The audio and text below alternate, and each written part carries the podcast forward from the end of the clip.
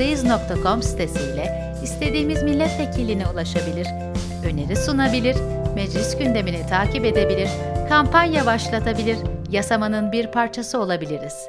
Artık sesimiz mecliste.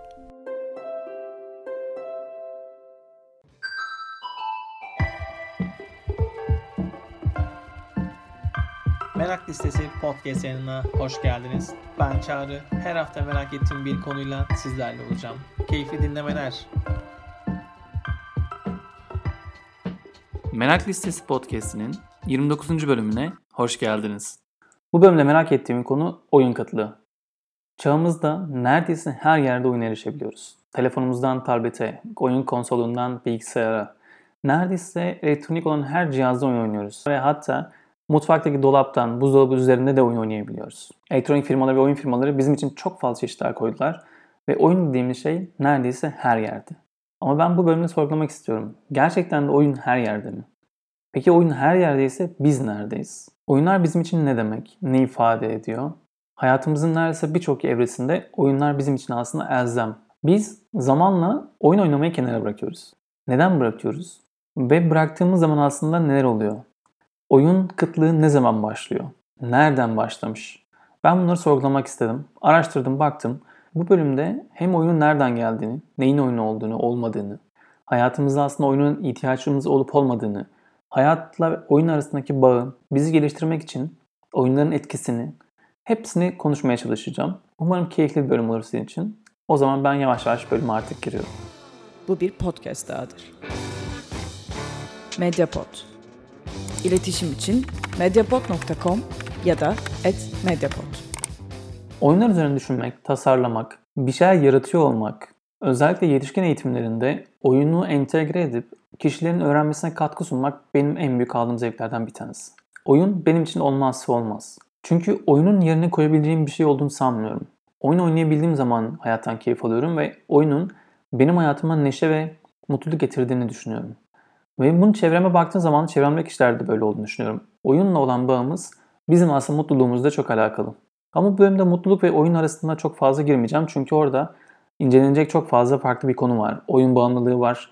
Bize dopamin salgılamasıyla beraber nasıl etkiliyor ve özellikle de son dönemde gelişen e-sporlarla beraber bir oyun bağımlılığımızın artışı var. Oyun bağımlılığı farklı bir kavram olarak dururken çok az girip aslında oyun kıtlığından bahsetmek istiyorum ben.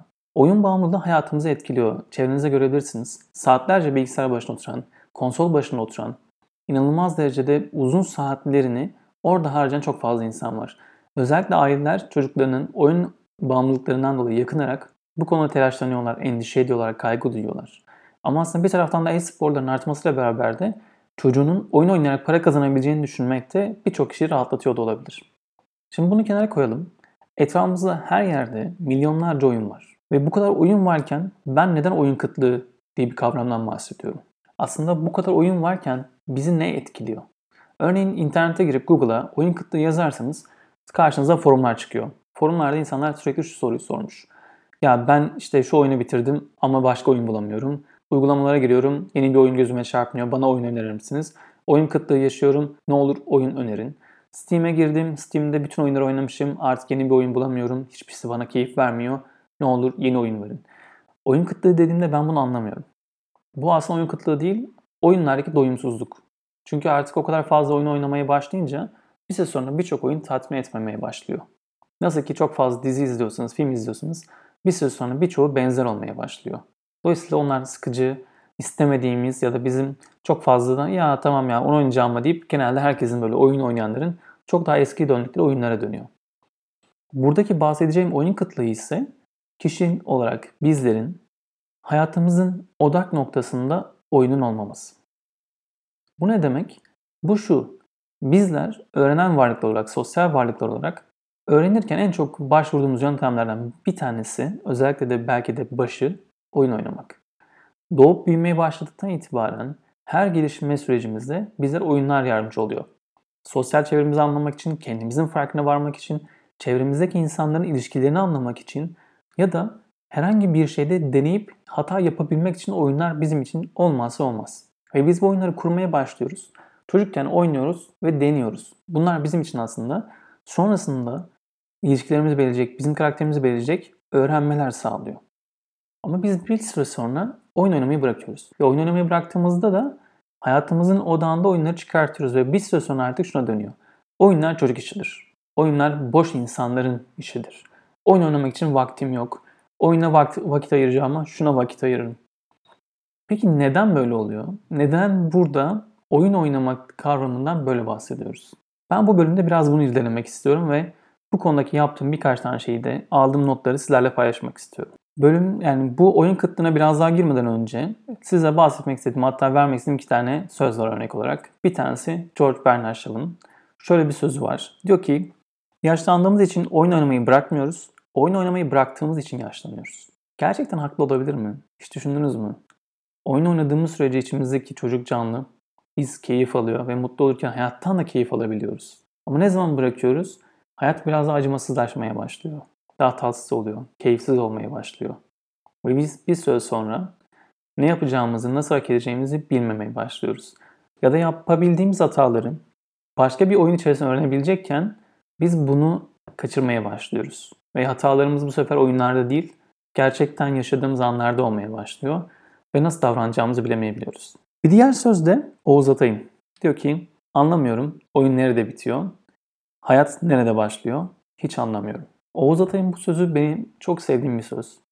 Çünkü gerçekten de oyun ve hayatı birbirinden ayırmamız mümkün mü? Oyunun nerede başladığını, hayatın nerede bittiğini ya da ikisinin nerede başladığını ya da bittiklerini nasıl bilebiliyoruz? Ya da oyun gerçekten de hayatımızın ayrılamaz bir parçasıyken biz onun neden ve nasıl hayatımızın odağından kenara alıp onun için vakit yaratmayı bırakıp aslında onu kenara atıp unutmaya ve belki de içimizdeki çok büyük bir boşluğu da başka şeylerle doldurmaya başlıyoruz. Bu boşluğu doldurmak için farklı şeyler yapıyor olabiliriz. Oyun yerine çok farklı şeyler kullanıyor olabiliriz, koymaya çalışıyor olabiliriz. Oyunu hayatımızdan çıkartıp keyif almaktan kaçınıyor olabiliriz. Ya da keyif almak için farklı konularda bağımlılıklara sahip olabiliriz. Yani mesela tüketim toplumuyuz ve belki de tüketmemizin önündeki en büyük sebeplerden bir tanesi oyun oynamayı bırakmak. Ne dersiniz? Ama şöyle bir soru da geliyor burada tabii. Birçok insan Steam gibi platformlar üzerinden ya da işte konsollar üzerinden çok fazla oyuna da para veriyor. Değil mi aslında yani tüketim toplumu bir taraftan da oyunu da bize satmaya başlıyor. Ve biz bu oyunları alarak hayatımızdaki birçok şeyi kapatmaya çalışıyoruz. Belki de o boşluğu doldurmaya çalışıyoruz. Ama yetmiyor değil mi?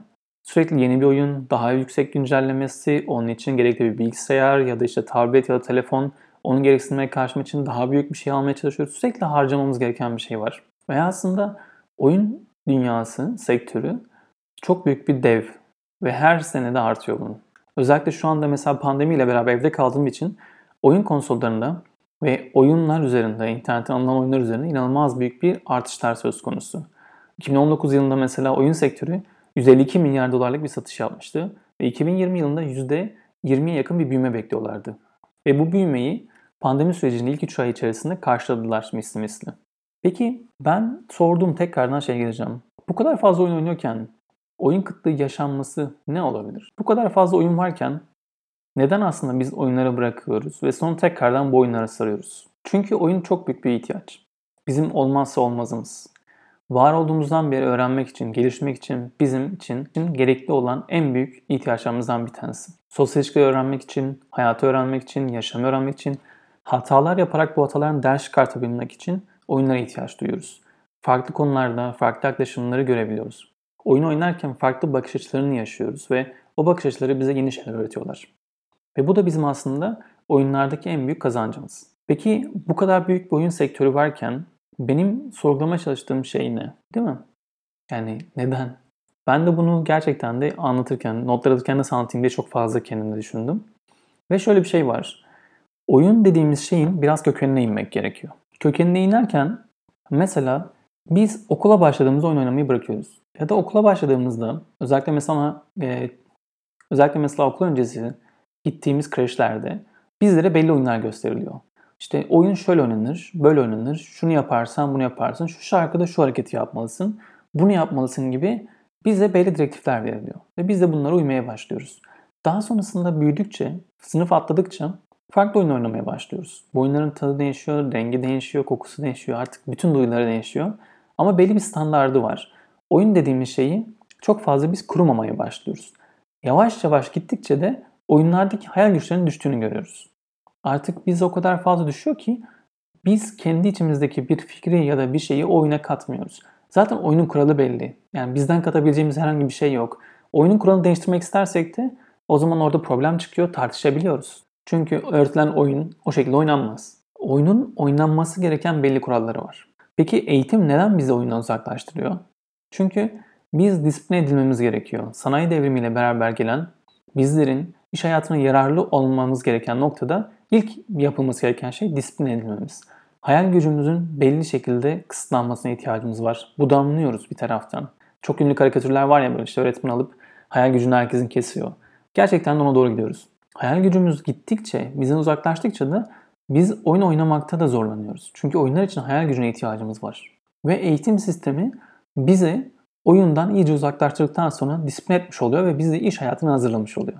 O yüzden kademe kademe farkındaysanız bizim oyun oynama alışkanlıklarımız değişiyor. Mesela oyunların değişmesiyle beraber de bir süre sonra sadece belli oyunlar oynayabiliyoruz. Bilgisayardan bir oyun oynuyoruz. Orada ortak işte başlarıyla multiplayer oynayabiliriz ama oyunu bilgisayardan oynuyoruz. Bir araya gelip yeni bir oyun kurmakla uğraşamıyoruz. Çünkü onun için vaktimiz yok. Tasarlamak istemiyoruz. Hazırda olan bir şey bizim önümüze konsun. Biz onu oynayalım. Ve bunun için de bir para harcayalım. Oysa birçok oyunu aslında yaratmak, kendi içimize farklı konular üzerinden kurmak çok daha kolay olabilir. Bunun için mesela kutu oyunları var, FRP oyunları var. Her oyunun öncesinde hazırlık yapmak gerekiyor. Belli kartlar bize yardımcı oluyorlar ama o kartları farklı kullanabileceğimizi, yeni karakterler yaratıp onlar üzerindeki güçlerimizi kullanabileceğimiz farklı anlar yaratıyoruz. Bunlar günlerce sürebiliyor. Ama bizim böyle bir oyun için vaktimiz yok. O yüzden daha kısa oyunlara ihtiyacımız var. Daha az hayal kuracağımız, daha gerçekçi oyunlara ihtiyacımız var. Mesela bunun araştırmasını yaparken eğitim ve oyun üzerinden bakarken şöyle bir benzerliğe denk geldim. Antik Yunan'da oyun için paidia diye bir kelime kullanılıyor. E, eğitim için ise paideia diye bir oyun kelime kullanılıyor. Şimdi bu iki kelime birbirine o kadar yakın ki aslında neredeyse oyun ve eğitim iç içe geçmiş. John Locke mesela bunun üzerine şöyle bir cümle kuruyor. Diyor ki oyunun temel bir parçası özgürlüktür ve öğrencilere yüklenen bu keyifsiz iş pekala kendi istekleri doğrultusunda özgürce aradıkları ve araştıracakları bir şey olabilirdi. Yani aslında biz eğitim ve oyunu bir arada tutup eğitim sistemi içerisinde oyunlarla öğrenmeye devam edebilirdik. Ama işte orada bir özgürlük kavramı var. Biz aslında oyunlar içerisinde özgür olmamız istenmiyor. O yüzden belli başlı sonları olması lazım. Oyunlar belli bir gözetmen tarafından görülmesi lazım ilk başta büyürken. Sonrasında özgürce oynamaya başladığımızda zaten aslında sanki yanımızda birisi varmış gibi biz zaten artık oyunları belli birisi bizi gözetliyormuş gibi oynamaya başlıyoruz. Oyunların kurallarına sıkı sıkıya bağlı, oyunu esnetmeyen ve yeni bir oyun yaratmaktan uzaklaşarak sadece verilen oyunlar oynamaya başlıyoruz. Bu bana hep şey hatırlatıyor. Hani sürekli verilen örnek vardır ya, bir fil işte küçükken aslında bacağına bir tane ip bağlanır. O ipi kopartamaz. Dener dener dener kopartamaz. Sonra ne zaman büyür çok ince bir ipin onu tuttuğunu görürüz. Çünkü artık denemekten vazgeçmiştir. Eğitim sistemimizin üzerimizden geçtiği zaman da biz buna gidiyoruz. Oyunları hayal gücümüzle kurarken hayal gücümüzü geride bırakıp oyunu da sadece bir araç olarak görüyoruz. Ve nadiren aslında birlikte olmaya, yeni şeyler öğrenmek için kullanıyoruz. Sadece çünkü keyifli bir vakit geçirmek üzerine gidiyor. Mesela bu konuya baktığımda bir de Bay Rogers'ın bir sözü var. Bay Rogers diyor ki, oyun sıklıkla sanki ciddi öğrenimden bir kurtuluşmuş gibi görülür. Ancak çocuklar için oyunun kendisi ciddi bir öğrenimdir. Yani aslında gerçekten de biz böyle bir şey düşünelim. Birilerine gidip de okulun nasıl olması gerektiğini sorduğumuzda hep oyun oynanan bir yer diye tarif edebilir çoğu insan. Çünkü gerçekten okulun sıkıcılığından oyun kurtaracak gibi gelir. O okulun griliğini rengarenk bir hale getirir oyun. Ama aslında oyun çok ciddi bir şey. Özellikle mesela çocuklara bakın. Oyun oynarken o kadar ciddiler ki. Çünkü gerçekten de o hayatın simülasyonu. Hayal gücüyle beraber kurdukları şeyler onlar için o anda gerçek. Bizler için de öyleydi. Dolayısıyla ben eğitim sistemine biraz karşı bir insanım. Bunu fark, fark etmişsinizdir. Sürekli bununla ilgili bir şeyler söylüyorum. Çünkü buraya doğru gidiyor konu benim gözümde. Gitmemesi gibi bir şey de benim için mümkün değil. Çünkü eğitim sistemiyle bir alıp veremediğim var. Ve bunun en başında da gerçekten de sıkıcı ve belli bir kalıplar içerisine sokan bir yapıdan kurtulması gerekiyor eğitim sisteminin. Ve ben bunun oyunlarla olacağını zaten hani ben sadece söylemiyorum. Antik Yunan'dan itibaren zaten bunun böyle olması gerektiğini bilinirken Biz nedense bundan çok fazla uzaklaşmış durumdayız. Belki de köklerimize dönmemiz gerekiyor. Oyunlardan bahsettim yani. Oyunlar aslında bizim için gerçekten de olması gereken şeyler. Bir de oyun dediğimiz zaman kavramlardan bahsetmek gerekiyor. Türkçe'de oyunla ilgili bir kelime kullanıyoruz. Yani oyun kelimesini kullanıyoruz ama İngilizce'de play ve game var. Bu ayrımı yapmadan da böyle bir oyunla ilgili bir şey anlatmak mümkün değil gibi. Play sadece bir vakit geçirmek için yapılan şeyler. Ama bir de game kelimesi kullanılıyor. Game ise belli bir başı ve sonu olan, önceden ya da o an belirlenen kurallar ile oynanan bir amacı olan aktiviteler. Biz şimdi Türkçe'de genelde bu ikisini birlikte kullandığımız için zorlanıyoruz. Ama game kelimesi bize şunu da getiriyor. Game mesela neymiş diye baktığımda hani bu kelimenin kökeni nereye doğru gidiyor diye. Anglo-Saksonca'da gaman diye bir kelimeden geliyor. Bu kelime de bir araya gelmek, toplanmak, beraber iş yapmak demek. Ee, ve bununla ilgili mesela Sevan Nişanyan şöyle bir cümle kuruyor. Diyor ki aşağı yukarı Almanca, gemeği ve Latince komünist ayarında bir kavram bu gaman. Demek ki eski İngilizler oyun deyince bir yere toplanıp itman ve beceri işleri yapmayı anlıyorlarmış. Sevan Nişanyan'ın oyun adındaki bir yazısından bir alıntıydı bu. Ve bizim için de aslında oyun kelimesi ne peki? Yani çünkü burada gerçekten bir araya gelmek, birlikte oynamak demek. Oyun İngilizler için böyle. Peki bizdeki oyun kelimesi nereden geliyor diye yine Sevan Nişanyan'ın yaptığı bir araştırmada şöyle bir paragraf var. Bunu sizinle paylaşmak istiyorum. Diyor ki oyun öz hakiki Türkçe. Bazı eski Uygurca kaynaklarda oyuk diye de geçiyor.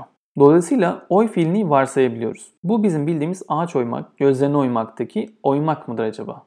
Köken anlamı boşaltmak ise eğer bir mantıki alaka kurar gibi oluyoruz. Boşlamak, boş işler yapmak, boş boş oyalanmak filan. Geçişli anlamı olan oymaktan başka bir de geçişsiz oymak mı vardı? Dün akşam canım sıkıldı, bir süre oydum gibisinden. Olamaz. Türkçe'de bir fiilin hem geçişli hem geçişsiz anlam taşıması görülmüş şey değil. Kaşgarlı'da, Çağatayca'da ve bilimum Türk dillerine geçen ozmak diye bir başka fiil var. Yarışta başkasını geçmek anlamında. Bu bir ipucu verir mi? Yarış ile oyun arasında anlam bağı belirgin gerçi. Ama yok, bu da olamaz. Fiil son sesinde Y ile Z arasında yapısal bir bağ kurmanın yolu yok. Nişanyan yaptığı çalışmada bu yazıyı ben açıklamalara koyuyorum. Oradan detaylıca okuyabilirsiniz. Oyun kelimesinin eski Türkçe'de kullanıldığını ama köken olarak oymaktan gelmediğini, oyunun aslında eski sözlükte var olduğunu ve bizim için aslında eğlenceli vakit geçirmek anlamında kullanıldığını o zamandan beri söylüyor. Dolayısıyla oyunun boş vakit geçirmek anlamından gelmediğini Nişanyan da söylüyor. Dolayısıyla aslında oyun bizim yetişkin hale geldiğimizdeki düşündüğümüz boş yapma durumu değil. Ya da boş vakti değerlendirme durumu aslında bizim için oyun demek değil. Ve biz hayatımızda odağında olabilecek en önemli öğrenme aracını biz kenara atıyoruz ve onun yerine başlığa koymaya çalışıyoruz demiştim ya. Yani aslında boş yapmak değil oyun oynamak. Dolayısıyla oyun oynayan her şey aslında herkes ciddidir, rahatlıkla diyebiliyoruz. Oyun sektöründen bahsetmiştim. Oyun sektörü ne kadar büyük diye. İnanılmaz büyük bir yatırım var. Ve gün geçtikçe bu sektör bizi daha çok içerisine alıyor. O yüzden yeni oyunlar yaratıyorlar. Mesela pandemi sürecinde benim en özlediğim oyunlardan bir tanesi Pokemon Go'ydu. Yıllar önce çıktığı zaman hep beraber sokakta çıkıp bir arada yüzlerce insan oynadığı anları hatırlıyor musunuz? Ben bayağı bir özlemle hatırlıyorum o anları. Gerçekten de şu anda evdeyken 60. günüm. Hani o zaman düşünüyorum da sabahlara kadar parklarda hep beraber olalım, birlikte oynayalım diye. O telefonun şarjı bitmesine kadar çok uğraşıyorduk. Nereden nereye değil mi? Oyun gerçekten de bizi içerisine aldığı zaman o işi ne kadar ciddi yaptığımızı düşünüyorum. O anı düşünüyorum ne kadar ciddi yapıyorduk. O Pokemon'ları avlamak için hep beraber bayağı ciddi bir şekilde haberleşme sistemleri kuruluyordu. Şu şurada bu burada diye. Ve bizi içerisine almıştı. Bizi eğlendiriyordu. Birlikte sosyalleşme ve işbirlikleri kurma imkanı sunuyordu. Tabii ki de içerisinde her zaman bir rekabet vardı. Tatlı bir rekabetti bizim için. Çünkü kendi Pokemon'u koyacağım diye o kuleleri savaşarak sürekli aslında elde tutmaya çalışıyorduk. Şimdi düşününce ne kadar uzun zaman geçmiş üzerinden ve biz şu anda bir pandemiyle beraber sosyalleşmek yerine evlerdeyiz ve farklı internetten online oyunları tercih edebiliyoruz. Mesela biz de şu anda gönüllü olduğum bir dernekte her cuma günü bir oyun gecesi yapıyoruz. Ve oyun gecesinde bir fikri olan kişi herhangi bir online araç ya da farklı bir aracı kullanarak bizleri bir araya getiriyor Zoom üzerinde ve oyunlar oynatıyor. Keyifli vakit geçiriyoruz. Birbirimizi tekrar tanıyoruz, üzerine düşünüyoruz.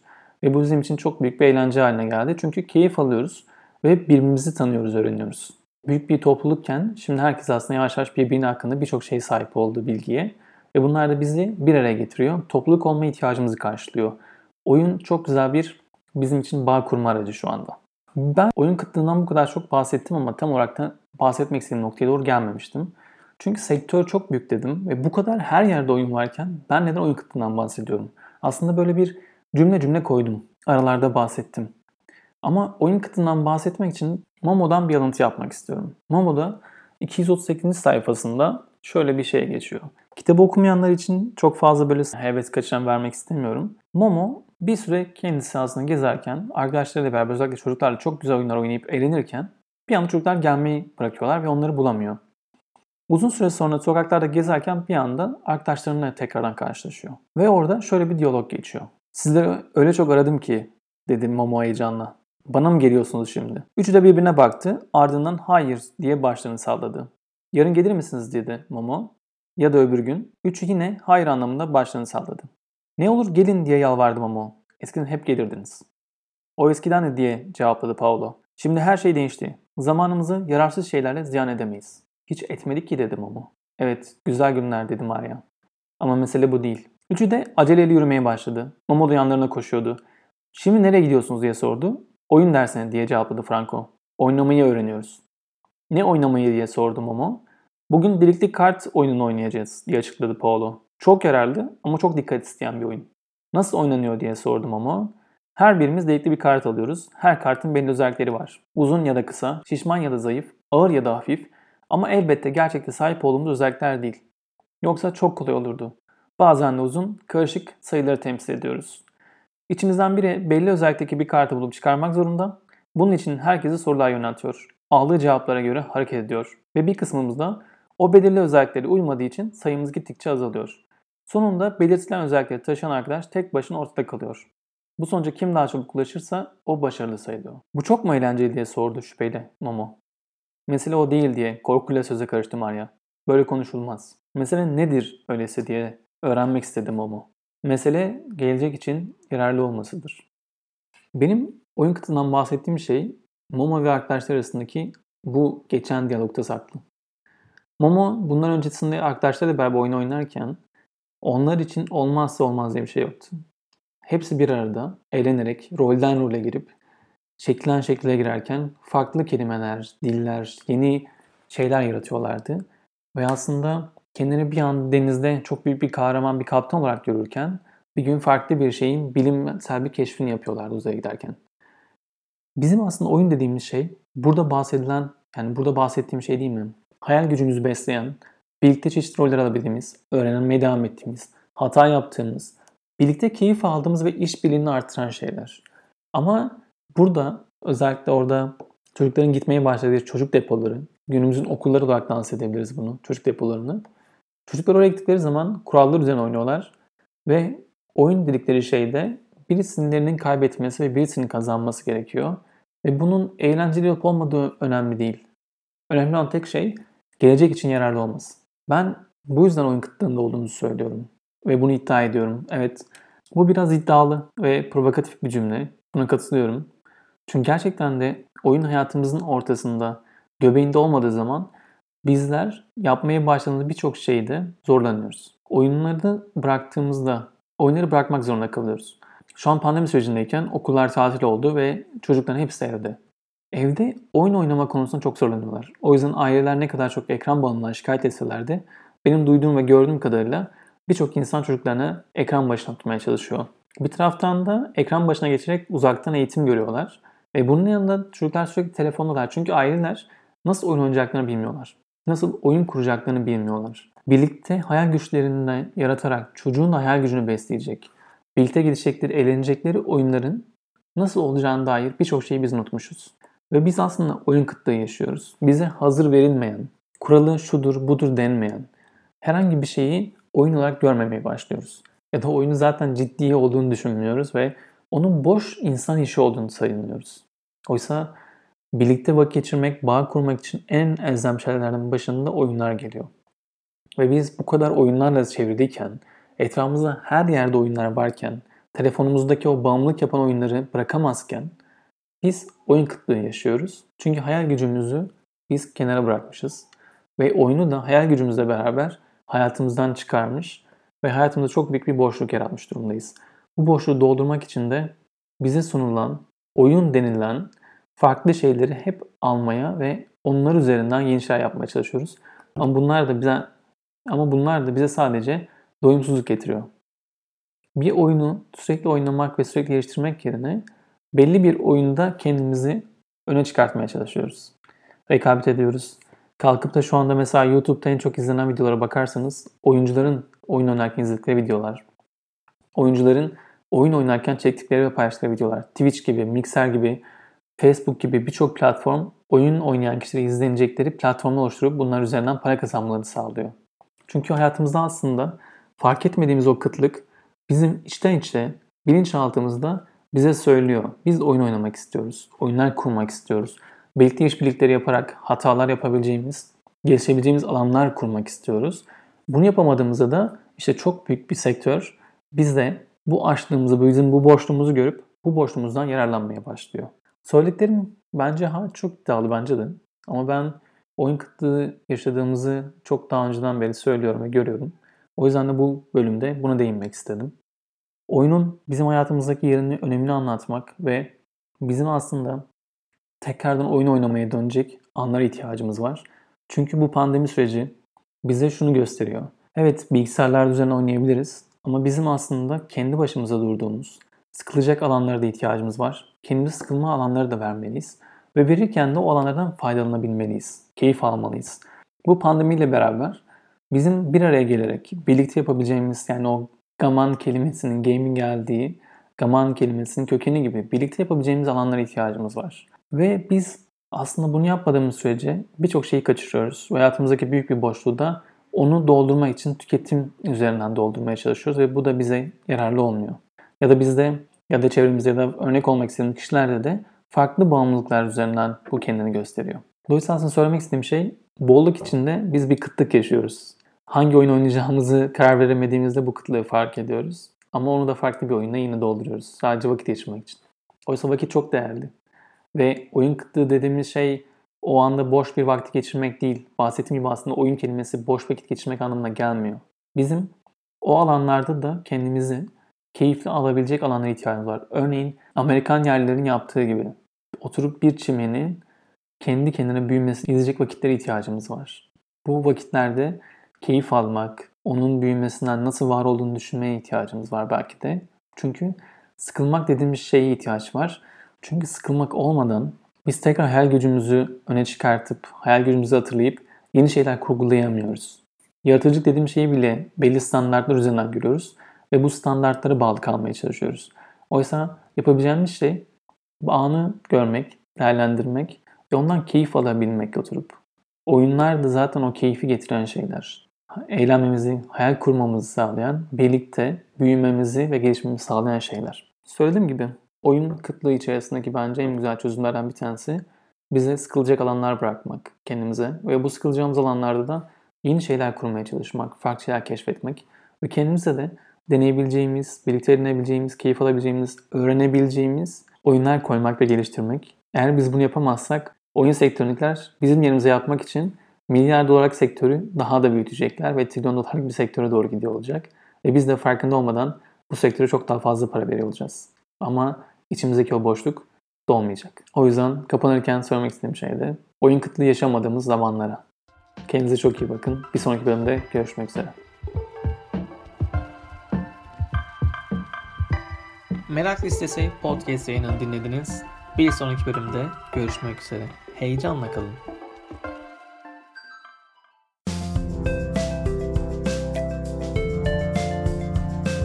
Meclisteyiz.com sitesiyle istediğimiz milletvekiline ulaşabilir, öneri sunabilir, meclis gündemini takip edebilir, kampanya başlatabilir, yasamanın bir parçası olabiliriz. Artık sesimiz mecliste.